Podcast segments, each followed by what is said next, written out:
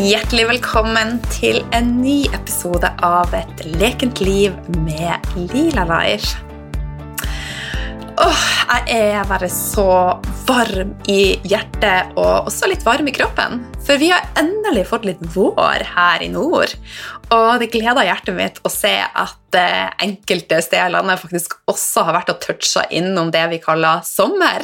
Og det er så fint å også kjenne på at når det er fint, så har vi alle det fint. Eh, eller været har i hvert fall vært fint. Og jeg har eh, kost meg sjøl på fjellturer, og jeg har pakka med meg skifte og niste, sånn at jeg har kunnet vært ute hele dagen. Og det har vært utrolig, utrolig fint.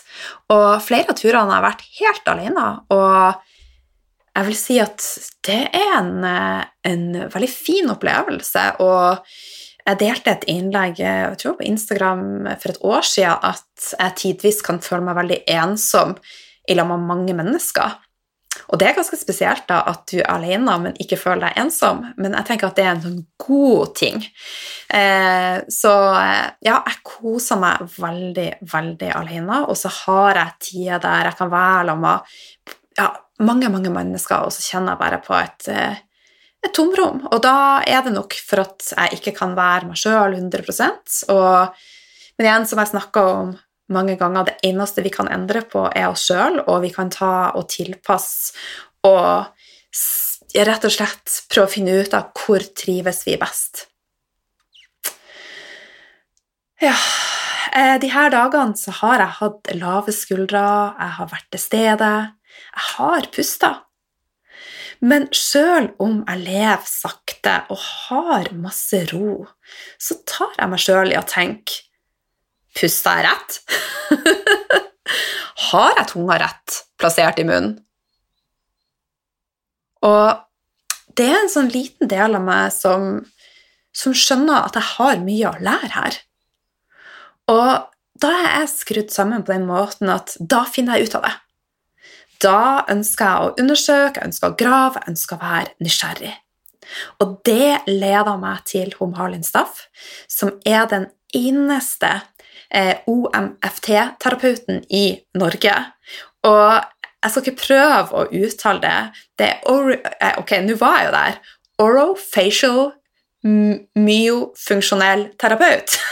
Noe sånn. og eh, hun er der at hun har spesialisert seg på hvor er det optimalt å plassere tunga for at du skal ha det best mulig, for å slappe av i kjeven, slappe av i ansiktet, og også påvirke muskulaturen din i ansiktet? Hvordan er det optimalt å puste for at du skal ha det best mulig?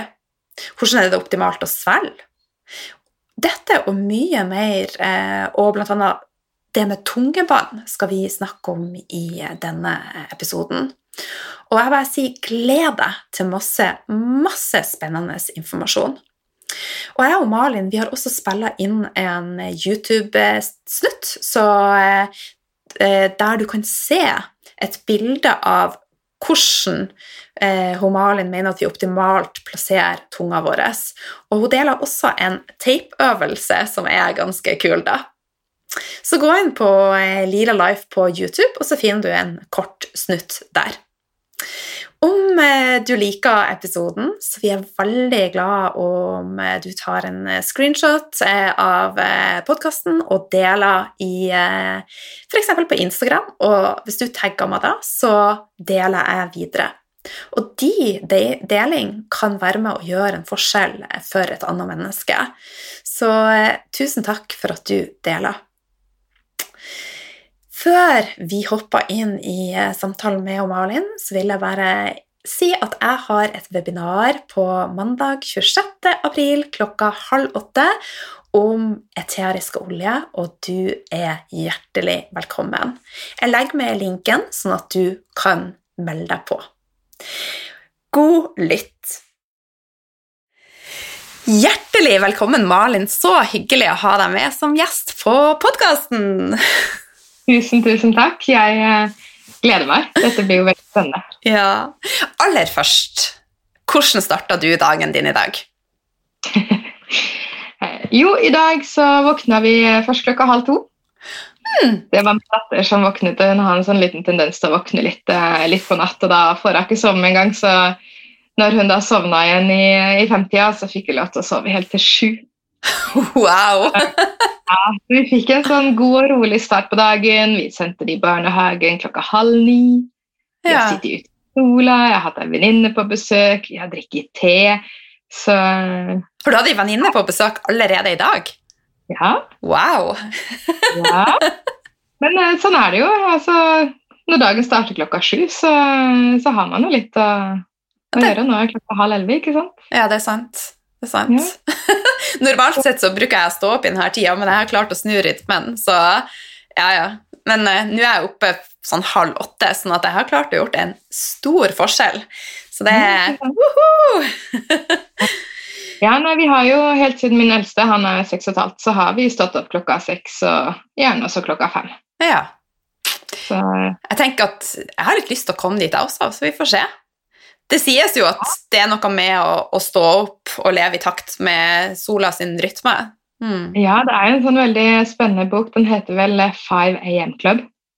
Ja. Og, ja, og den eh, Jeg må jo si det at eh, jeg har jo stått opp før ungene mange ganger. Rett og slett bare for å få litt, eh, litt tid alene. Og det er virkelig gull verdt å kunne få den kopp teen helt alene uten at, at man blir Jeg skal ikke si at jeg blir masa på ungene, jo, jeg blir litt masa på.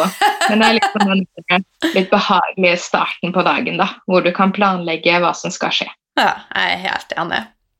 Men du, har du noen gode rutiner som bare gjør at dagen din blir enda bedre?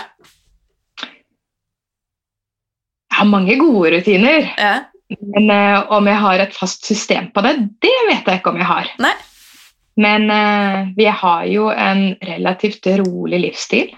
Ja. Det er ikke noe sånn, Jeg har jo min egen bedrift, så jeg stresser egentlig sånn sett ikke av gårde på jobben. Uh, Vi har det rolig. Det er ikke noe sende barna i barnehagen klokka sju. Det skjer svært sjelden. Ja. Det er hvis, uh, hvis de har vært eh, våkne tidlig. Men uh, rett og slett få jeg, jeg må ha en te. Jeg har slutta med kaffe. Det er snart et år siden jeg slutta med kaffe. Å, så flink Men, du er. avhengig av den derre Ja, noen få minutters bare stillhet og kunne våkne. Mm. Men det er jo disse små rutinene gjennom hele dagen jeg er litt avhengig av, som, som hjelper meg i, i gang til å kunne takle stress, til å kunne ha det greit, til å kunne få et pust i bakken. Mm. Som for eksempel Ja, nå har vi akkurat kjøpt en sånn infrarød badstue også. Og den har vi begge to blitt helt avhengige av, så den sitter vi hver dag, eller hver, hver kveld blir det jo. Sitter vi en halvtime hver, rett og slett bare for å svette ut litt. Ja.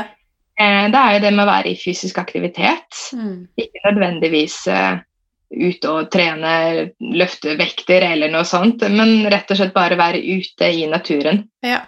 Eh, Og vi har jo kjøpt et eh, lite, stort småbruk. Oi. Så ja, veldig spennende. Så det er jo mye arbeid og mye utetid hvor man kan faktisk benytte seg av å bruke kroppen slik som kroppen er med til å brukes. Ja. Så dere er et småbruk. Har dere dyr òg, da, eller? Vi hadde høner før, men akkurat i flytteprosessen så solgte vi de. Men eh, nå har vi fått vaktler, så skal vi få nye høner igjen, men vi må lage hønsehus. Så skal vi få geiter og, og kaniner. Å, så spennende, da. Ja. Med tanke eh, tilbake til den saunaen, så har jeg også fått meg det. Og, eh, men jeg har ikke tort å sitte i det hver dag. Eh, så men det går an, altså. Å sitte hver dag. ja, man må følge litt sin egen, eh, egen grense på om det er greit, Ja. rett og slett. Ja. Mm, For det er jo en ganske dyp detox. Ja. Ja. Men jeg har jo jeg har, vært, jeg har prøvd å jobbe mye med kroppen de siste ja, sju årene da, på, på hvordan alt dette her har fungert. Og jeg har jo prøvd eh, forskjellige detoxer, Mm. jobbe med lymfesystemet, og så langt så må jeg si det at eh, infrarød badstue er jo veldig effektivt. Ja. Det er det. Så er det jo også det med å passe på at eh, når man da tar badstue så mye, at man fyller opp med elektrolytter som ja, uraffinert havsalt. Passe på at man får i seg nok væske og nok salt. Mm, kjempe, kjempeviktig.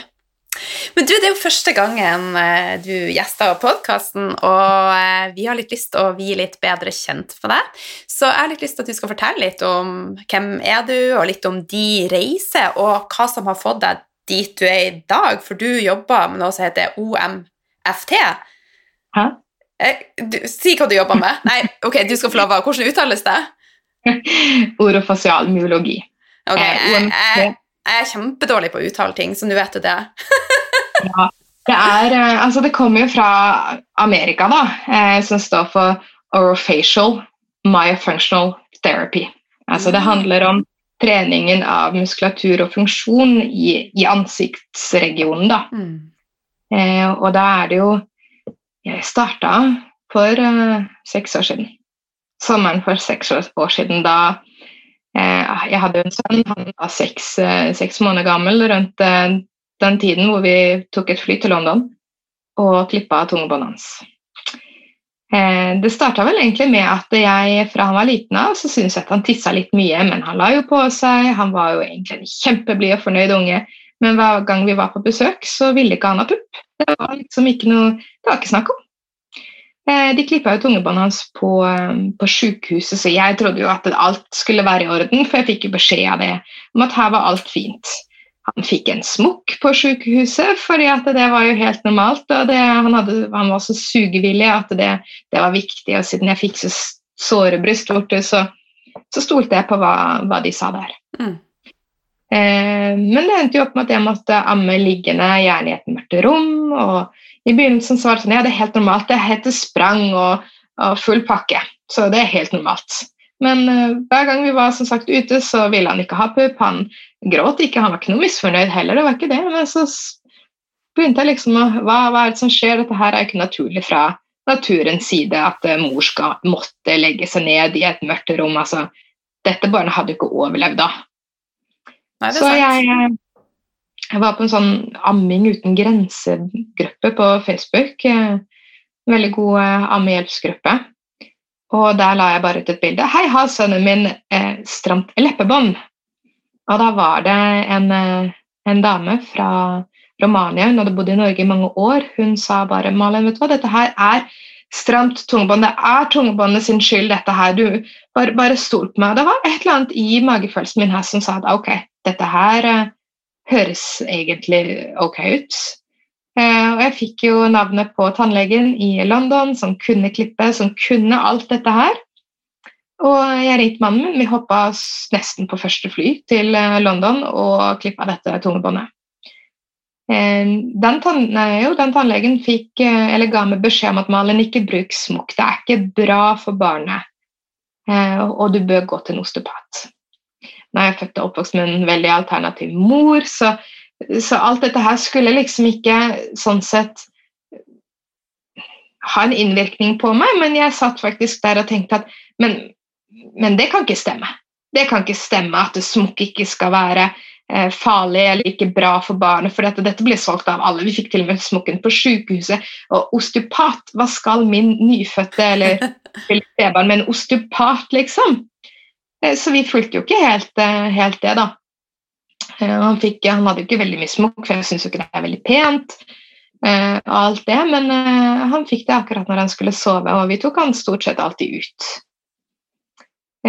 så ble dattera mi født når han var 22 måneder, og det var jo et stramt tungebånd der òg, og det visste jeg, så jeg var, var veldig forberedt på det. Men også da når hun, eh, hun, ble født, så opplevde jeg at sønnen min fortsatt hadde mange av de samme symptomene på stramt tungebånd. Og det fikk meg til å tenke men hvorfor? Hva er det som skjer her? Er det mer som, som må jobbes med? Det kan ikke bare være så enkelt som å klippe tungebåndet. Så jeg begynte en enormt stor og fantastisk reise med, med tunga hvordan tunga sin funksjon er, hva tunga skal gjøre med hele utviklinga av kjevene våre. Mm. Eh, og samtidig så hadde jeg danna meg et enormt stort, veldig flott nettverk av, av mange dyktige personer. Leger, vi har kjeveortopeder, mange logopeder, osteopater, fysioterapeuter, kiropraktorer, eh, som også kjente til mitt navn. Eh, så kom jeg over eh, dette her som heter orofasial myologi, da. Eh, altså treninga av tunga og dens funksjon. Det er litt annerledes enn hva logopedene jobber med, for de jobber veldig ofte med uttale og, og tungeplassering i forhold til lydspråker. Mm. Språklyder, beklager det. Eh, så jeg tok kontakt med en av eh, de beste i verden, Sara Hornsby, og fortalte min historie og mitt nettverk. og, og hvor jeg var i forløpet, at dette her må jeg lære mer om, for det er ingen som kan hjelpe oss. Eh, og, og, fortalte alt sammen. Og hun bestemte seg da med tanke på bakgrunnen jeg hadde av, av tidligere erfaring, men også av utdannelse på, på, hvordan kroppen fungerer, på treninga. Jeg har jo også jobba som personlig trener innenfor eh, ja, rehabilitering etter skader og, og, alt dette her. Så hun eh, tok meg med, og jeg fikk lov til å bli med i hennes eh, mentorprogram om hvordan man skal lære å diagnostisere og jobbe med dette her. Og da gikk det opp en million lys for meg. Så spennende. Ja, veldig. Og det stoppa jo ikke der. Jeg har jo tatt en eh, sertifisering som spesialist innenfor dette her, også i USA. Og, eh, og det har jo viderebrakt meg til dette her med pusten. Ja. For selv om jeg har alltid skjønt at pusten er, er viktig, og at vi skal lukke munnen, men så var det den Eh, ja, det var jo en som sa at men, jeg kan ikke bare lukke munnen, for det føles ut som om jeg ikke får nok oksygen hele tiden. Mm. Da tok jeg jo mange kurs innenfor det her igjen og har liksom begynt å jobbe side om side med disse to tingene, fordi de hører jo sammen. Wow. Så, ja. ja. Men du, fremover når jeg skal Kan jeg si forkortelsen, for jeg klarer ikke å si det her. Eh, kan jeg si OMFT? Ja, OMFT, ja. OMFT. Så det er greit, liksom. Da er jeg liksom kul. da er kul. Men eh, ja, ok, så det å klippe tungebåndet, det er én ting, og så har du OMFT, som er en sånn videreføring, egentlig, at du bare tenkte at det er neste skrittet? Ja, og det er fordi at det er så mange som tror at de kan klippe tungebåndet, og så forsvinner alle symptomene. Ja. Og det stemmer ikke. Altså, Holdninga di vil ikke bli bedre om du klipper tungebåndet, det vil kanskje bli lettere, ja. men det vil ikke bli bedre. Nei. Ja, likevel, altså eh, Hvis man sitter, eh, la meg si, som en potetsekk da, mm. og klipper tungebåndet, så vil man fortsatt sitte som en potetsekk etter man har klippa det. Ja. Man vil ikke plutselig kunne lukke munnen om man klipper tungebåndet. Man må styrke musklene. Ja. Man lærer seg jo ikke å svelge korrekt selv om man klipper tungebåndet. Nei. Man lærer jo ikke korrekt hvileposisjon av tunga selv om man klipper tungebåndet. Det vil bli lettere, men det blir litt sånn um, ja, må jeg finne, finne en god forklaring på dette her. Om du skader eh, kneet ditt, ja.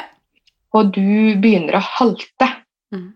Og kompensere veldig mye, altså hele livet ditt blir påvirka av denne kneskaden du har påtatt deg, og du blir stiv fordi at du kan ikke bøye deg, du kan ikke sette deg ned på huk slik du gjorde før. Så plutselig går du til en lege, og så fikser de opp eh, kneskaden din så vil jo ikke plutselig kroppen din bli like myk og smidig som den var før. Og du har jo pålagt deg alle disse vanene gjennom hele, hele, dagen din på hvordan du har brukt kroppen din. Mm. Dette her må trennes opp igjen. Ja. Så vi kan eh, rett og slett trene opp tunga og svelge og alt det her. Ja. Men har det gjort en stor forskjell for deg og dine, denne teknikken? Ja, jeg skal si vi fikk en enormt god virkning på sønnen min. Ja. Han er jo seks og et halvt, men når han da var fire og et halvt, så sykla vi.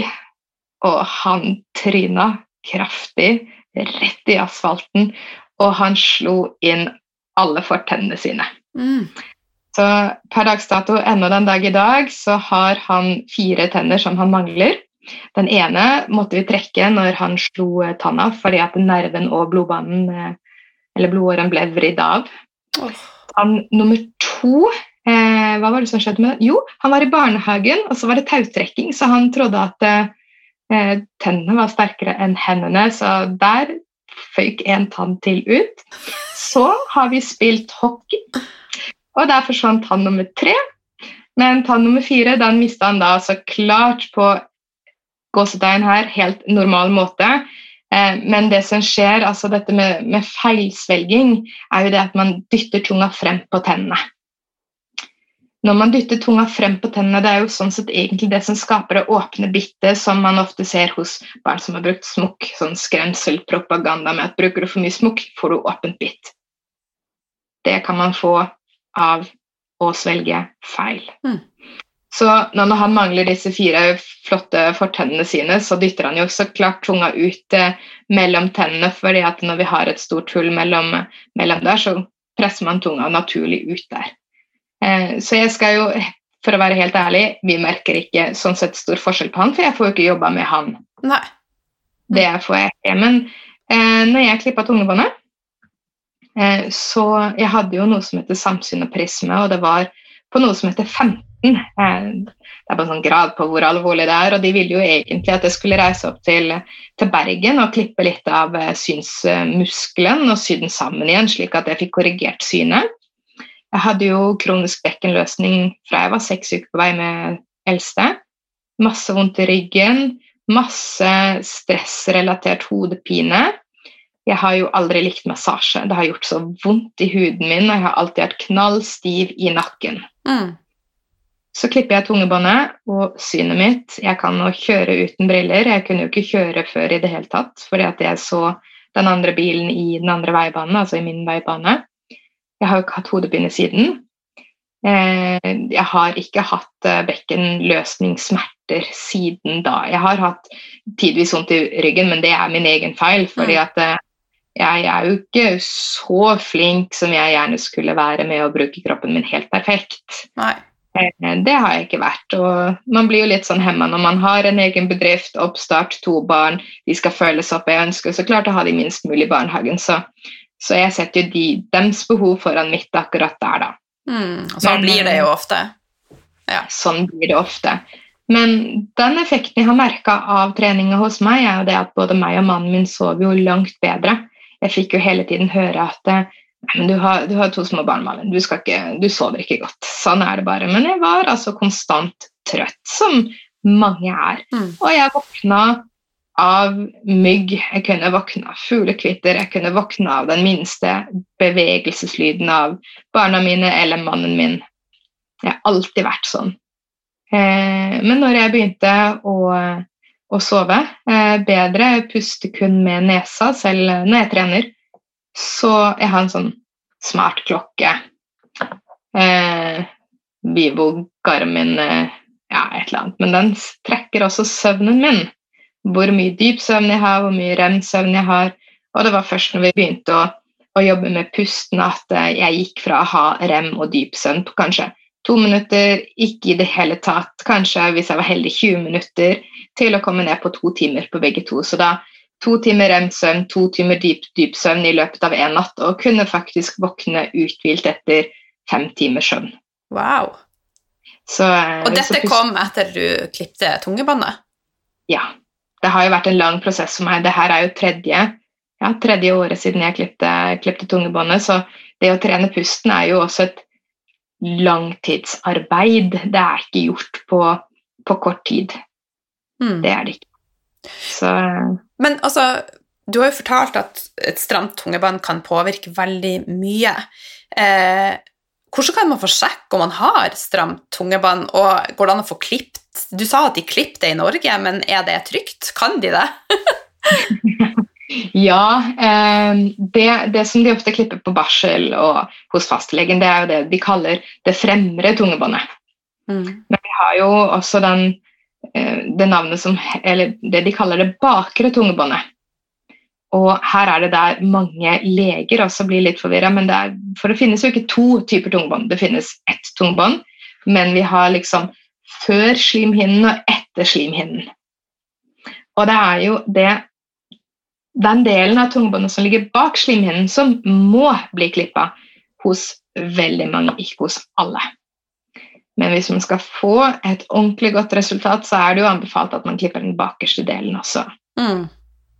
Og per dags dato så er det det er en god del leger som, som kan mer enn en bare å klippe det fremre. Men det er ikke alltid jeg ser fullstendige klipp. Så har vi jo eh, Hun heter, eller hun har sin egen bedrift, Dr. Barnegod. Eh, Anette Resch hun er en eh, lege, og hun, hun, har jo også reist til USA og lært av en som heter eh, Surush Sagi, som er den ledende legen på dette her i verden. Han forsker på det, han har sin egen, eh, egen klinikk som heter Breathe Institute. Mm. Eh, hvor han også har utvikla sin egen teknikk på å få det han kaller funksjonell frenoluplastikk. Så man klipper jo, eh, eller man opererer jo vekk tungebåndet for at man skal få en gode mål til det som er en funksjonell tunge. Ja. Så, så, det er fullt mulig å gjøre det i Norge. Eh, det er jo mange som, som spør meg hvor kan jeg sjekke dette her. Og jeg har jo eh, Jeg kan jo ikke stille diagnosen, det kan jeg ikke. Men jeg kan gi en indikasjon på om det er stramt. Og det er jo ikke alle som bør klippes, det er jo ikke alle som trenger å klippes. Så er det også en god del som, som må klippes. Så jeg tilbyr også 15 minutters eh, helt uforpliktende og også kostnadsfri konsultasjon, hvor man kan prate, og jeg kan se på tungebåndet, vi kan snakke om diverse plager. For det er heller ikke at min trening vil være det mest fordelsaktige å egentlig starte med. i det hele tatt. Så der pleier jeg egentlig bare veilede en god del på, på hvor de bør starte, og, og om de kanskje trenger eh, osteopati eller kiropraktikk, eh, det vi kaller bodywork først. Det kan også være at vi de faktisk bør klippe det som heter det fremre tungebåndet først, for at vi i det hele tatt skal kunne bevege litt på tunga. For det er mange som ikke kan det heller. Eh, og du mener altså ikke bevege tunga i det hele tatt? Ja, altså De får den sånn seriøst ikke ut av munnen eller løfte den opp i gang. Altså Det er ganske mange Jeg har sett mange rare ting. Så som ofte så, så, er det også det man vil se på. Rett og slett hvor, hvor stor er funksjonen. Eh, hos noen vil jeg altså anbefale de at de kanskje starter hos en, en luftveisorientert kjeveortoped. Og da er jo Jeg har jo en i Oslo, han heter eh, Bjørn Winther. Han jo, holder jo til altså i Tyskland. Eh, han er en spesialist innenfor søvnmedisin innenfor dette med kjeveortopedien. Så jeg kan jo sende mange, eller anbefale de å dra dit eh, rett og slett fordi at det kanskje er kjeven så smal at vi kommer aldri til å få tunga opp på plass. Eh, kanskje er luftveiene så komprimerte rett og slett fordi at ganen er så høy. Så har vi jo eh, Gulvet i, i, munnen er jo ganen vår, men det er også eh, oppi nesa. Så hvis ganen vokser oppover, så komprimerer det jo luftveiene våre oppover i nesa. Så det går jo til og med an fram til vi er 65 eller 75 år, et sted mellom der, til at vi faktisk kan vie ut overkjeven vår og, og dermed få bedre luftveier. Hmm. Hvordan gjør man det? Altså, er det en operasjon da, eller trening? Ja, man får en sånn skinne. Eh, ah. man har forskjellige typer appliances eh, som man kan eh, få opp i overkjeven, men også i underkjeven, som vil være med på å gi et, et jevnt press da, ja. på, på, beinet, slik at det vokser. For vi har jo suturer i ganen som kan sånn sett drar du hardt nok, kan du jo dra de fra hverandre. Så det er jo det der konstante presset. Og da vil ny beinmasse hele tiden remodellere eh, den mellomste delen, slik at man får ny beinstruktur. Da.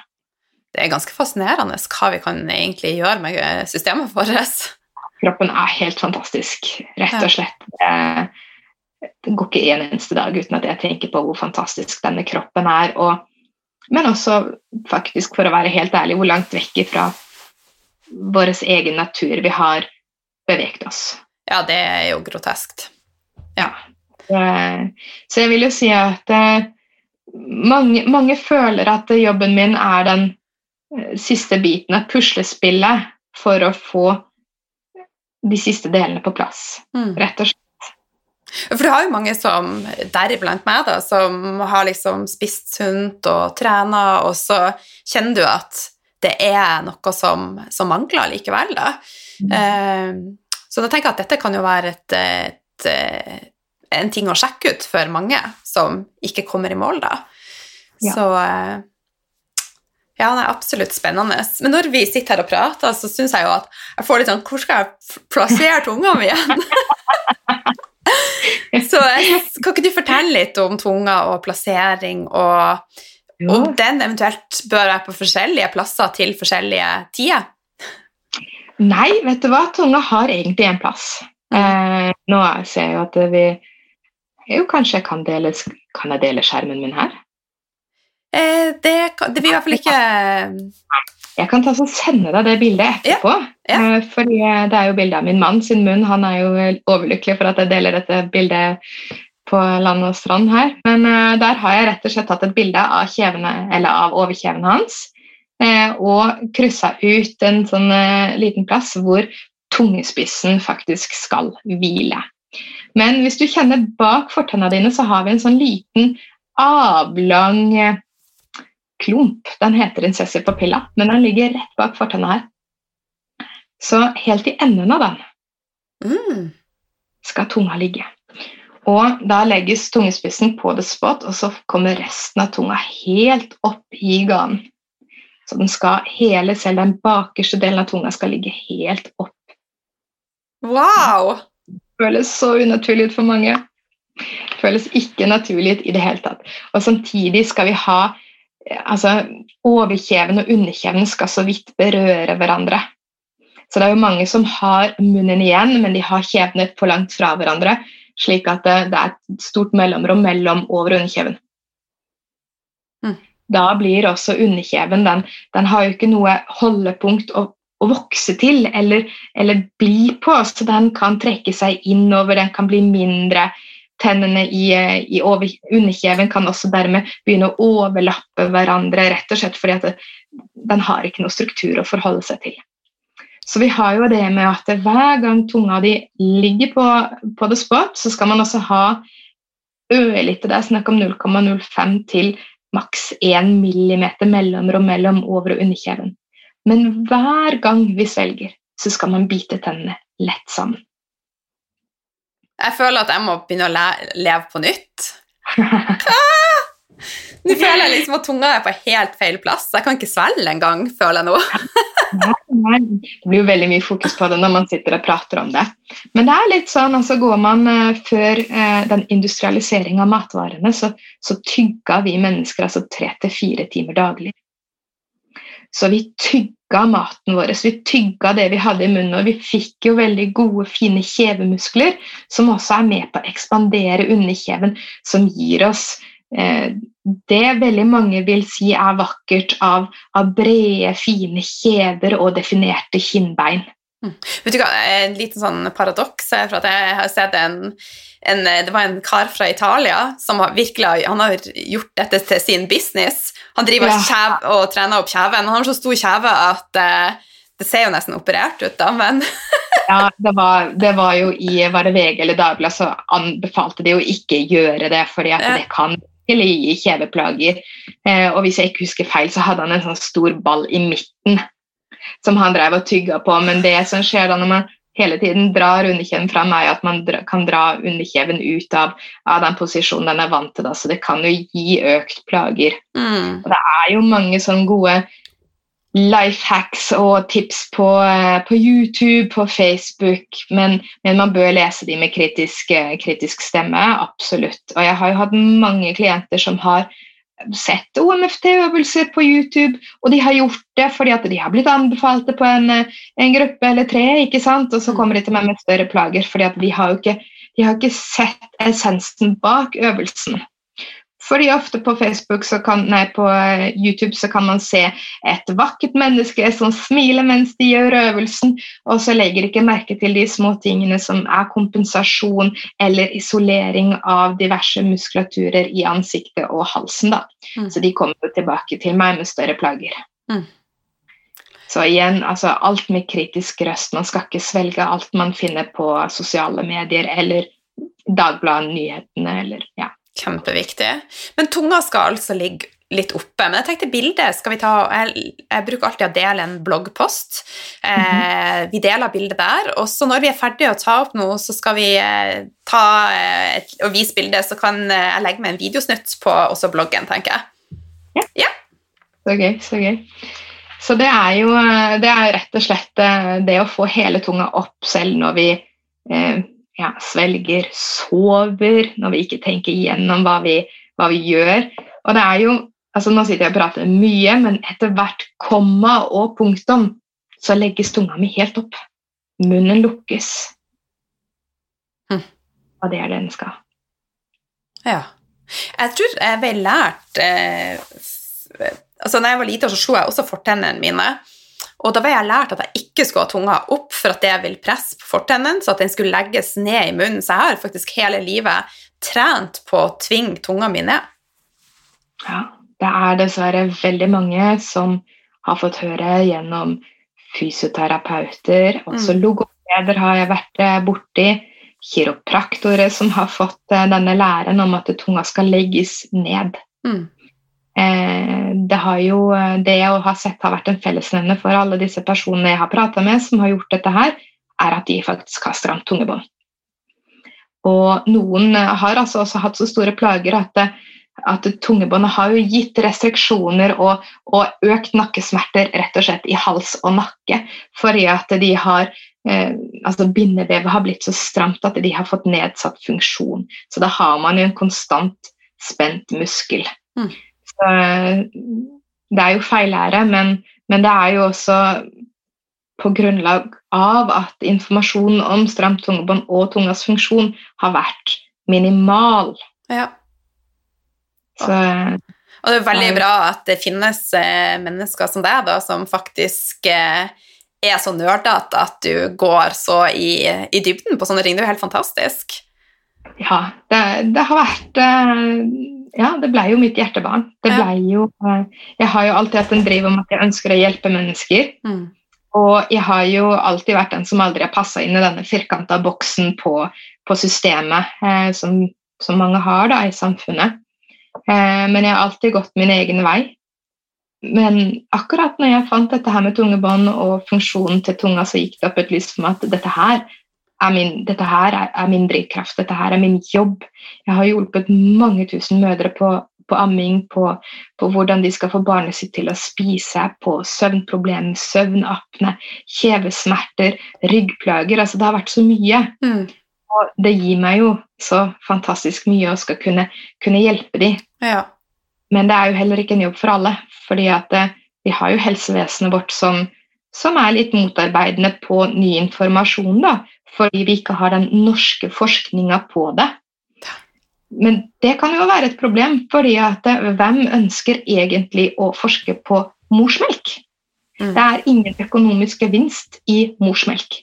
Det er ingen økonomisk gevinst i å få ungdommer vekk fra tannregulering. Det er ingen økonomisk vinning eller gevinst på å få folk vekk fra en CPAP-maskin. Oh, det er så utrolig kjipt å tenke på at det er sånn samfunnet er bygd opp. Ja, ja. det er så, så, det er jo det, det, er ikke alle som kan gjøre det. og jeg, jeg, har litt, jeg liker å si at jeg har litt bein i nesa. Jeg tåler litt motgang. Mm. Eh, og det er nok ikke ferdig med motgangen ennå. Eh, men jeg tåler det. Jeg tåler å høre det fordi jeg har det fantastiske nettverket rundt meg eh, som også gjør at det, de holder meg oppe i vanskelige tider. Eh, og jeg vet at informasjonen min den er korrekt. Ja. Stol på, på intuisjonen din. Og så tenk at Skulle vi ha sittet og venta på forskning på alt som rører seg, så hadde vi ikke kommet oss fremover. For det Nei. Altså, sånn som lekk tarm, når jeg skrev oppgave om det for tolv år siden nå, så var det jo knapt noen som hadde hørt om det, og det ble jo sett på som veldig alternativt. Og i dag så er det jo forska på på en annen måte, men ja, så man må være litt innovativ og litt, eh, litt fremoverlent, tenker jeg. Ja. Mm. Så, Absolutt. Ja. Og kreativ. Hva du sier Og kreativ. kreativ man, må, ja. man, må, tørre, og man, eh, man, må kunne stå opp for det man, man mm. mener. Litt sånn uh, intuisjonen din, bare si magefølelsen, og, mm. og gjøre noe nytt ut av det. Absolutt. Mm. Men da tenker jeg at da kan vi hoppe til det med pusten. Eh, for du har jo sagt at vi skal puste med munnen igjen, og da får jeg også sånn What the f? Bo, bo, bo. Så ja, jeg vet hvem jeg skal bestille time hos. Eh, jeg har jo, som jeg nevnte tidligere, jobba som eh, personlig trener i mange mange år. og Jeg har sykla, jeg har løpt eh, mye, jeg har trena mye. Jeg har jo hatt en holdning som har vært ikke en av de beste, rett og slett. For det var jo ingen som lærte meg hvordan jeg skulle sitte. Det var jo ingen som lærte meg hvordan jeg skulle puste når jeg trente. Eller generelt i livet, da. Jeg har aldri vært en sånn veldig utprega munnpuster, jeg har ikke vært det, men jeg har trena såpass mye i mitt liv at jeg har pusta mer enn 40% med munnen i løpet av en dag, altså. Mm. Og jeg var jo et veldig klassisk øre-nese-hals-barn. I tillegg de fjerna mandlene mine var fire. Eh, mest sannsynligvis eh, pga. Eh, en intoleranse mot eh, melkeprotein. Eh, det har jeg viderebrakt til mine barn, så det er gøy. Eh, men eh, man har jo også sånne allergiske reaksjoner eller intoleranser som vil påvirke kroppen vår her, da. når jeg da begynte å lese om dette med pusten, og, og begynte å puste, puste, bra, så la jeg merke til én ting, og det var det at jeg hadde konstant en sånn kronisk eh, Jeg skal ikke si kronisk, det var feil ord av meg. To til tre ganger i året. Hver høst, hver vår, kanskje til og med på sommeren, så fikk jeg luftveisinfeksjon. En skikkelig sånn stygg tørrhoste som kunne vare i en to til tre uker. Mm aldri kvitt den. Det klødde, det var helt forferdelig, jeg ble irritert. Eh, men etter at jeg lukka munnen min, så forsvant den. Og den har ikke kommet tilbake. Jeg har hatt jeg har vært litt forkjøla, ja absolutt, men jeg har pusta med nesa hele veien. Jeg har ikke blitt så pottetett at jeg ikke klarer å ha et nesebor åpent. Det har alltid fungert. Så, så det er jo en av de største forandringene jeg merka på på, på, den delen at jeg blir ikke sjuk. Jeg har ikke lenger Jeg, jeg røyka jeg når jeg var eh, jeg begynte vel å røyke når jeg var 12 og røyka til jeg var 18 år. Nå er jeg 36, da. Men hver gang jeg tok et sånt et dypt uh, åndedrag, som jeg også har lært er feil, man skal ikke ta sånne store åndedrag, så, så, hadde jeg en sånn smerte i lungene når de på en måte utvida seg. Den har også forsvunnet helt. Men når jeg skulle ta min første løpetur, jeg tenkte nå etter barn og etter jeg hadde trent mye og, og følte at kondisjonen liksom var på topp. Eh, ikke helt på topp, men sånn at jeg kunne i hvert fall ta en joggetur.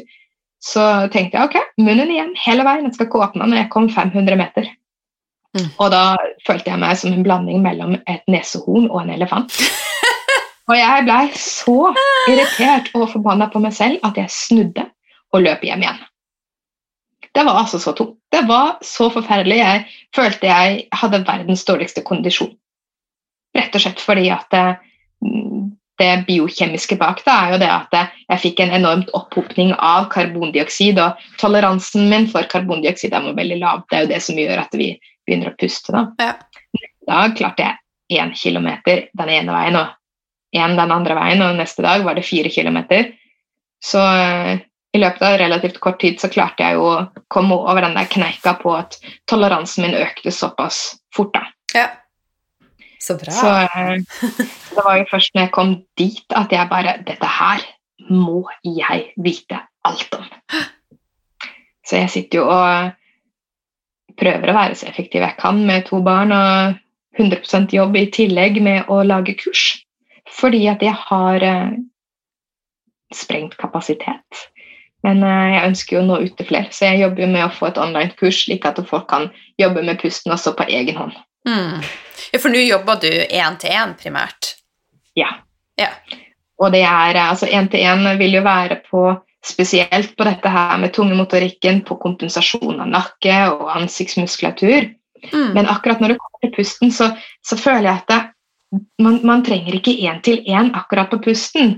Men det kan bli fryktelig mye arbeid hvis vi skal bevege tunga og jobbe med holdninger og mm. hvordan vi skal spise, og så i tillegg jobbe med pusten. Så, mm. så jeg hadde håpa på at alle som da vil ha den én-til-én-treninga, også har tatt tatt det kurset på, på forhånd. da. Ja.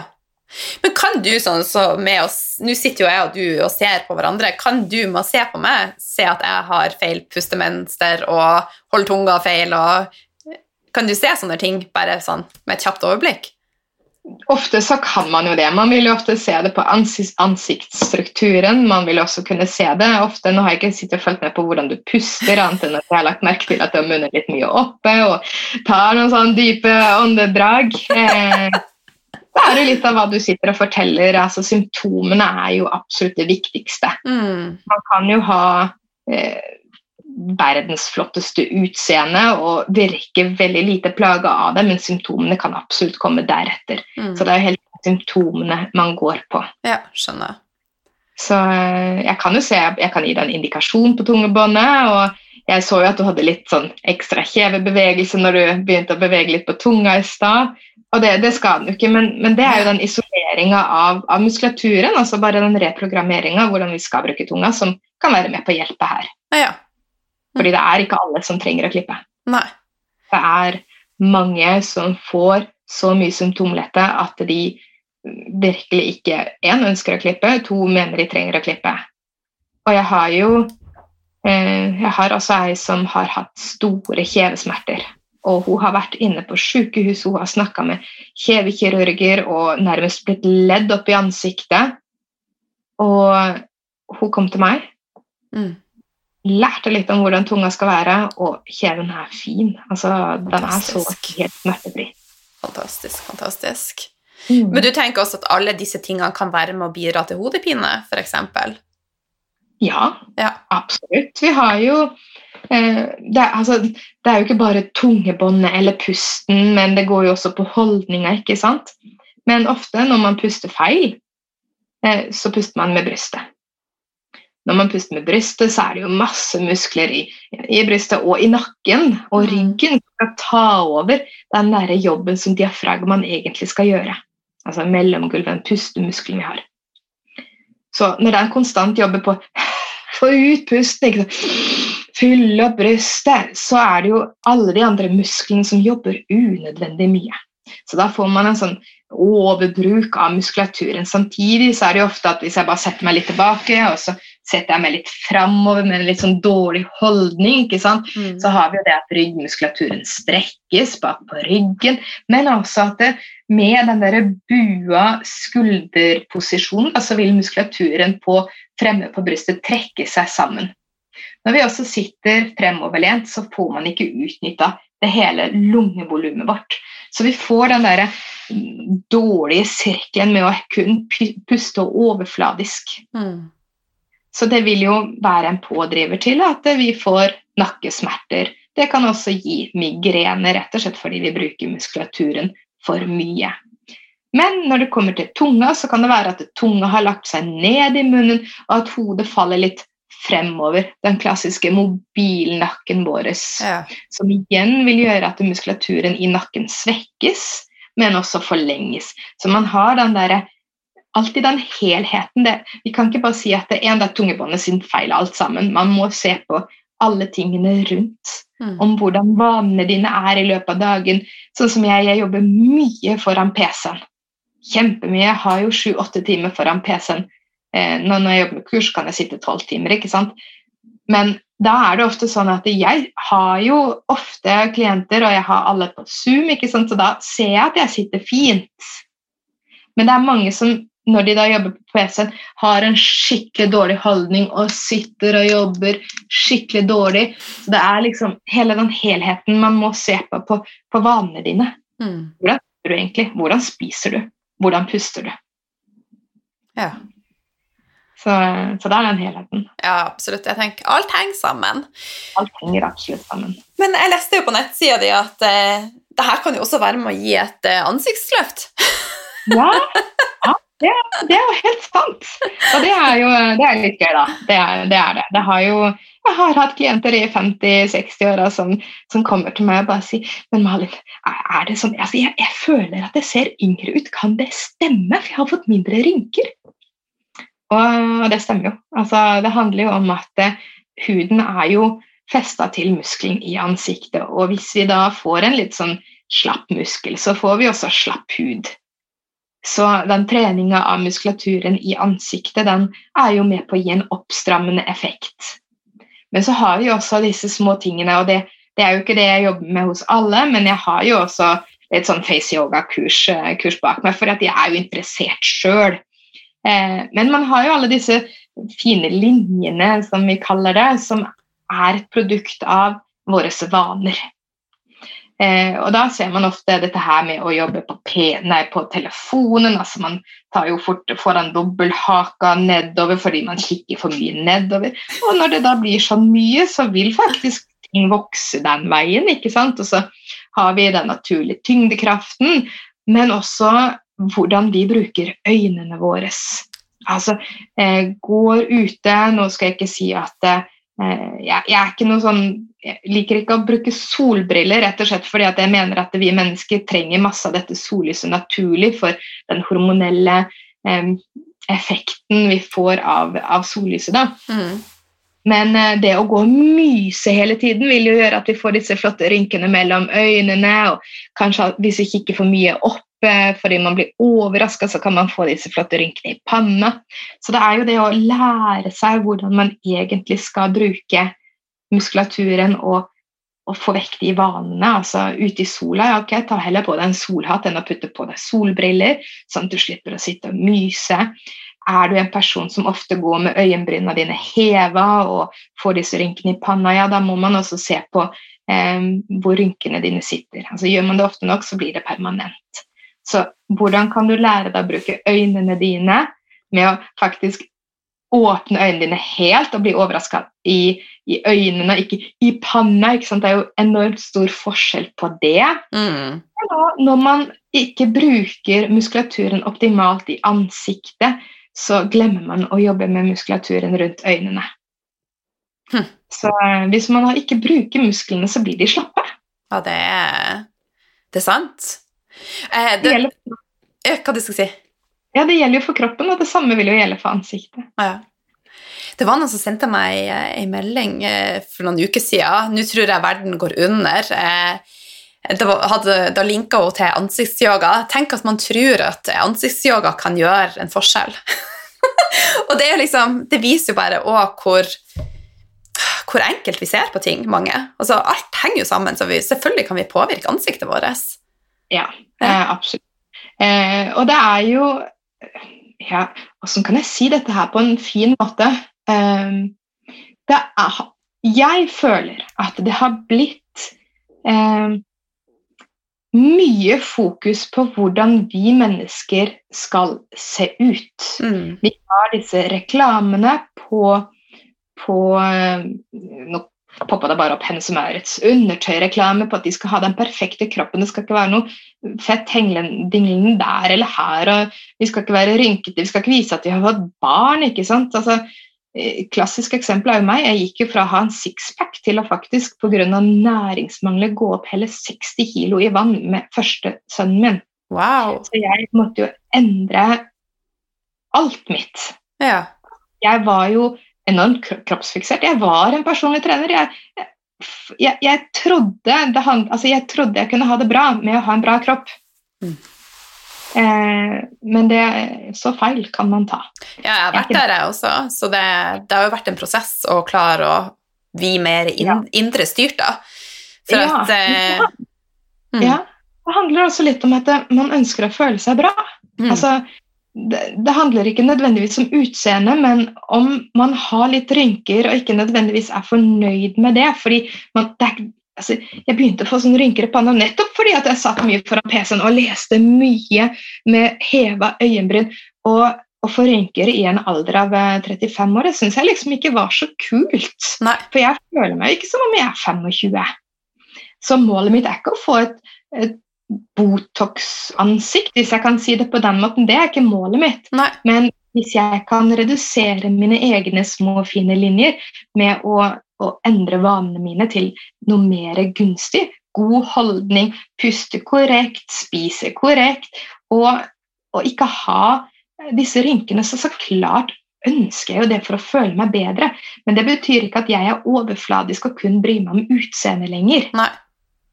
Og det er det mange, mange kommer jo til meg også fordi at det, de, mange gutter spesielt kommer til meg fordi at de føler at de har lite mandige trekk i i ansiktet, rett og slett. Og, og, de føler at det er så feil å få lov til å si det, fordi at de er ikke overfladiske, men de føler seg virkelig ikke som seg selv. Mm. Hvis jeg kan være med på å bidra dem til å få en økt selvfølelse og få seg til å føle seg bra, så gjør jeg jo absolutt det. Men det er jo, det kommer som en bieffekt av at vi har god funksjon. Ja. Jeg vil ikke altså, det, det handler ikke om utseendet, men det handler om å føle seg bra. Jeg er så enig. og Jeg bruker å si at helse det handler om hvordan vi føler oss. Ja. Ja. Så det er jeg helt, helt eh, enig i. Og hvis vi virkelig skal gå tilbake til, til hvordan vi mennesker som for noen hundre år siden tygde i tre til fire timer daglig, Mm. hadde store, brede kjever, ingen overlappende tenner. Vi hadde alle tennene på plass. Vi hadde ikke eh, hull i tennene fordi vi hadde mellomrom mellom, slik at ikke maten kunne sette seg fast. Så ser vi at altså, Vi har jo den derre det gylne snitt. altså Du har den Michelangelo-plakaten som henger opp eh, med beina ut til siden og armene opp, som viser hvor mye mellomrom vi mennesker er bygd ut ifra Er det, er det Fibonacci-frekvensen det heter?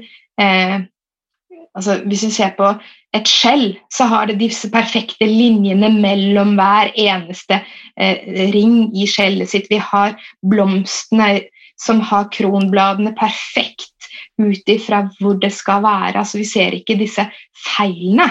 Nei. Og det samme gjelder faktisk mennesket. Vi mennesker skal ha så, så, eller vi skal ha et øye mellom øyet vårt. Vi skal ha foten vår som er like lang som underarmen. Vi skal ha en så lang overkropp i forhold til beina for å få den der pro proporsjonen som vi mennesker, eller som øyet vårt, føler er naturlig vakkert. Ja. Og det samme går jo for ansiktet vårt, faktisk. Spennende. Det er jo, ja, og det er jo litt sånn på, på hvordan kraniet vårt var før, og hvordan kraniet vårt er nå. Etter den industrialiseringa spesielt kom, så så vi jo at vi fikk lengre fjes, vi fikk eh, smalere hever, vi fikk ikke plass til alle tennene våre, og vi ble faktisk også sånn sett mindre vakre. Mm. Utseendemessig sånn, uten å være overfladisk, men funksjonsmessig. Ja. Noe å tenke på.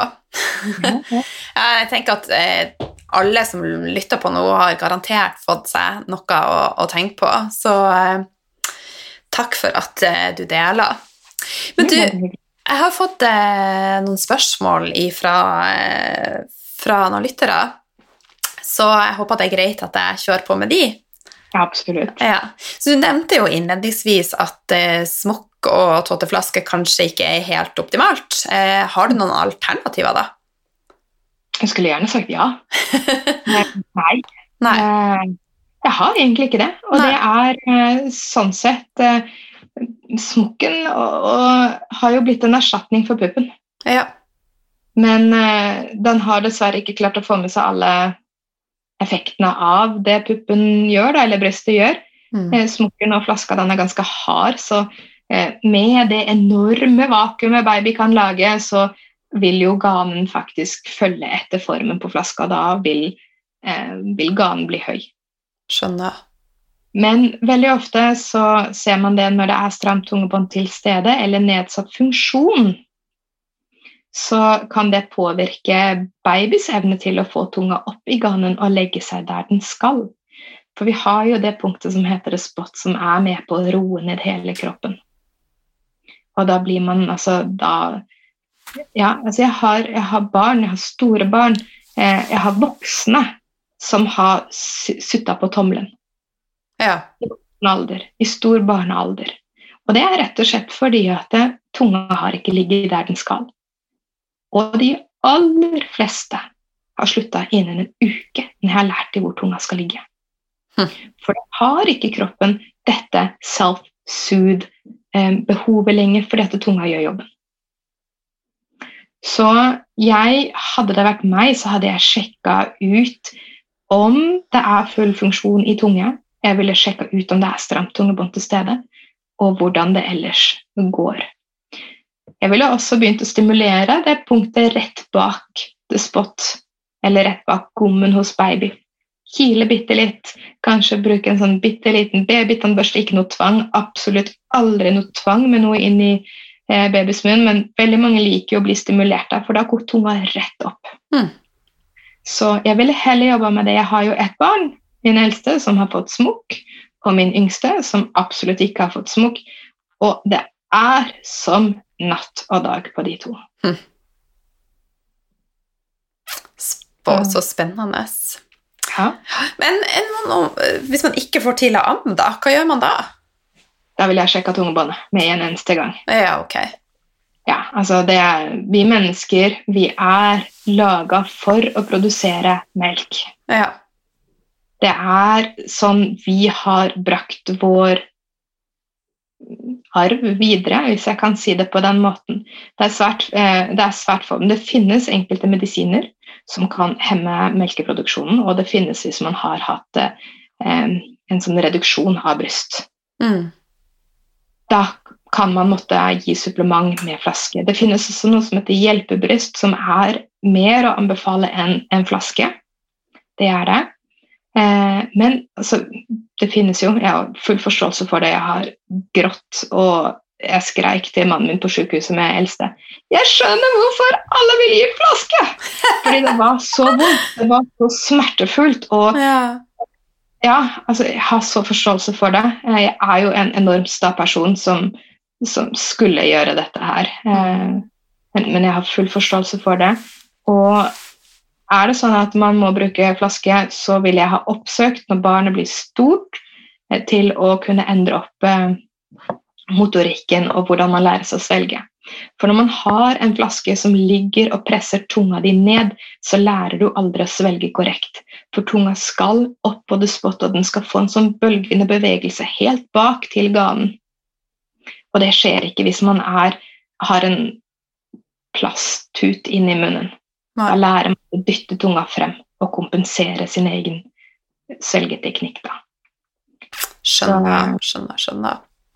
Og da ser man veldig ofte også man, Det kan være litt enkelt å se om et barn har fått flaske kontra eh, bryst. Og det er fordi at flaskebarn de får ofte veldig sånn store, voldete kinn. Fordi de bruker kinnet til å svelge med. Mens folk, eh, eller babyer som får bryst, har ofte en helt annen utvikla muskulatur. fordi at det nytter ikke å bare bruke kinnet når man skal amme. Man må bruke hele tunga, man må bruke kjeven vår på en litt annen måte enn med flaske. Mm. Så man kan faktisk se det i ansiktet på, på dem. Så bra. Siste spørsmål. Eh, Dette er da sønnen til en av lytterne som gnisser tenner på natta. Eh, og forteren er da vidt nedslitt, og hun lurer på om det kan ha en sammenheng med stramt tungebånd. Og hun sier også at han våkner mye på natta. Mm. Eh, Min første tanke her vil være at det er komprimerte luftveier. Eh, og da ser man også ofte til en, eh, en dysfunksjon i tunga, så at tunga ikke funker helt sånn som den skal.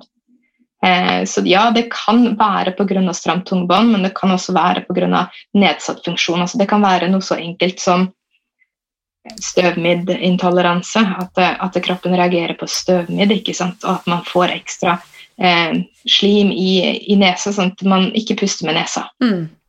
Så jeg ville eliminert disse tingene, ikke alt på en gang, for da finner man ikke ut av hva det er. Men jeg ville også tatt en tur til kjeveortopeden, rett og slett fordi at dette påvirker barnets søvn, og barn trenger virkelig denne søvnen for å kunne få den gode veksten av hjernen man ønsker. Mm. Og min første tanke da ville egentlig vært å fått han eh, kjeveortoped Bjørn Winther til å se på dette her. Ja.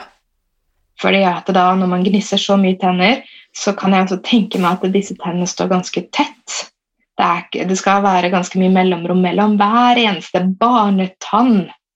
Så står tenn, melketennene altfor tett, så vil man få overlapping når de permanente tennene kommer.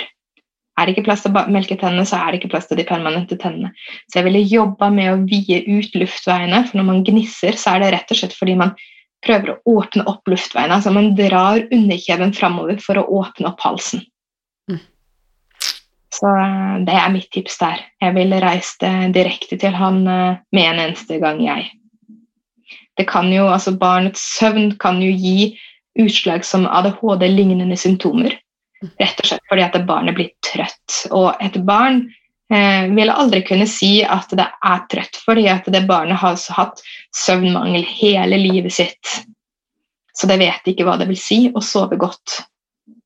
Så når en da får beskjed om å sitte stille, f.eks. på skolen, da, så kan jeg bare si at jeg kjenner meg så igjen. Altså, jeg sovna jeg hvis jeg måtte sitte stille. Så jeg var ei lita urokråke. Hadde, det vært, eh, hadde jeg blitt født nå og begynt på skolen i dette århundret her, så hadde jeg ikke garantert fått diagnosen ADHD som liten. Mm. Jeg var en skikkelig urokråke. Jeg, med en gang det ikke var noe som interesserte meg på skolen, så begynte jeg å finne på mye tull. Og det var rett og slett fordi jeg har store deler av livet mitt aldri sovet bra. Jeg er, eh, jeg er et godt eksempel av, av å ha hatt nedsatt funksjon i, eh, i ansiktet og tunga og pusten. Ja. Mm. Takk for svaret og for eh, at du deler. Det, det setter jeg pris på. Er det andre ting du vil tilføye rundt det vi har snakka om? Noe jeg har glemt å spørre deg om?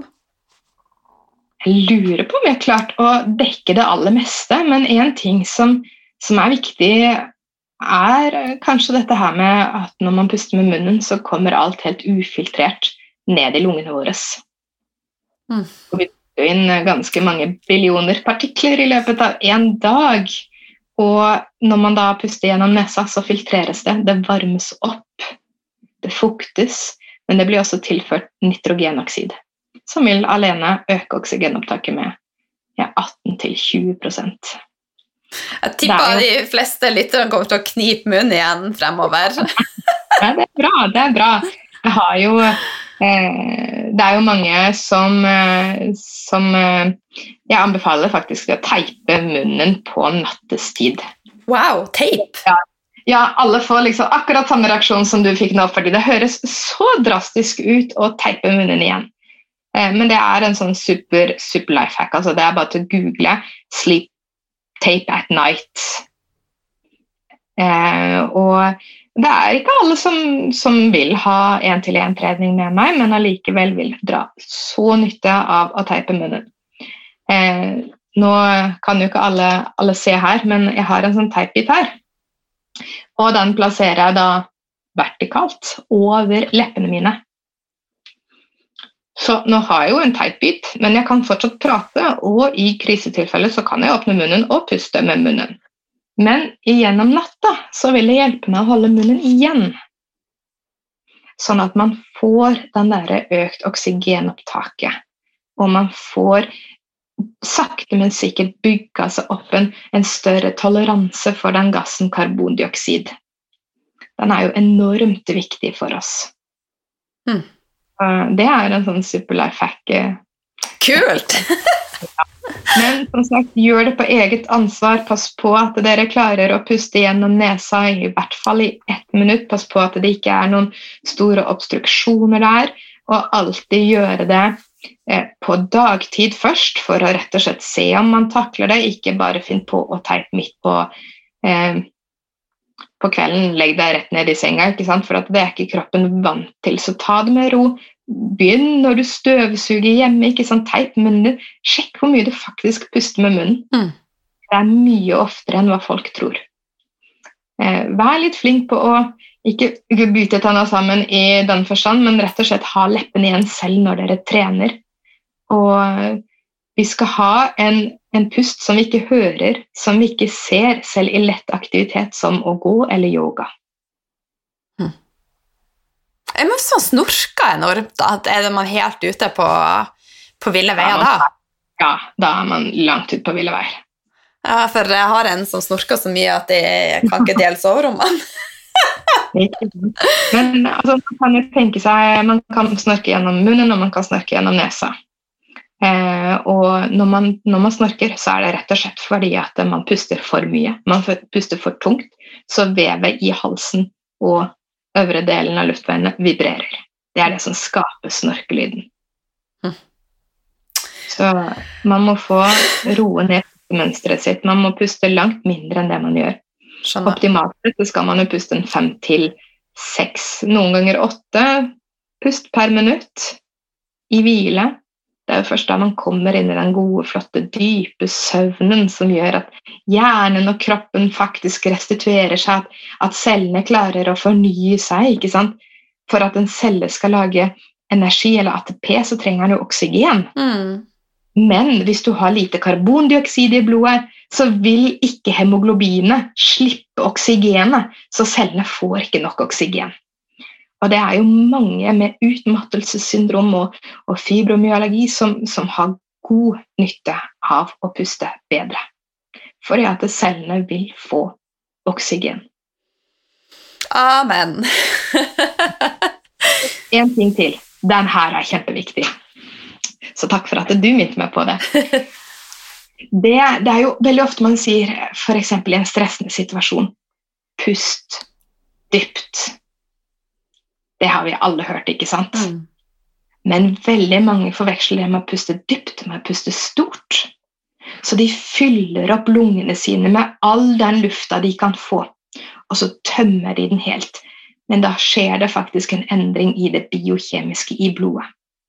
Så man, når man skal puste dypt, så må man heller passe på at man kommer helt ned i lungene, der hvor de flesteparten av alveolene er. At man fyller de opp nede, ikke oppe i brystet. Det er viktig. Mm, jeg prøver mens du forklarer. Så dypt. Så dypt. Mm -hmm. Takk. Du, helt på tampen, hva gjør deg glad? Mennesker å hjelpe folk. Ja, og ærlighet. Ærlighet, ja. ja. Mm. Det er tre ting jeg setter veldig stor pris på. Det er en jeg elsker å hjelpe folk. Og jeg pleier, jeg pleier å si at jeg ikke er så sosial. Men men jeg er jo egentlig veldig sosial. Vi har ofte folk over. Jeg elsker å ha folk over på et glass vin eller litt champagne. Jeg elsker å ha fest. Altså, det, det, er hyggelige, koselige sammensetninger hvor, hvor, det er ærlighet og oppriktighet. Hvor, man, hvor jeg blir kjent med mennesket. Mm. Ikke, altså, jeg er verdens dårligste på smalltalk. Altså, det funker ikke. Så Det er nok derfor jeg har den der, jeg er ikke sosial, for jeg takler ikke smalltalk. Jeg vil vite hvem, hvem mennesket er. Mm. Det gjør meg glad. Å, tusen takk. Du, eh, hvor kan lytterne connecte med deg? Jeg har en egen eh, hjemmeside som er omft.no. Mm. Der finnes det masse informasjon, kontaktinformasjon, e-post. Man kan booke uforpliktende og kostnadsfri konsultasjon også, så kan man snakke ja, litt løst og fast om, om dette her. Tusen takk, og tusen takk for tida di. Det setter jeg utrolig stor pris på. Selv takk. Veldig gøy å bli invitert.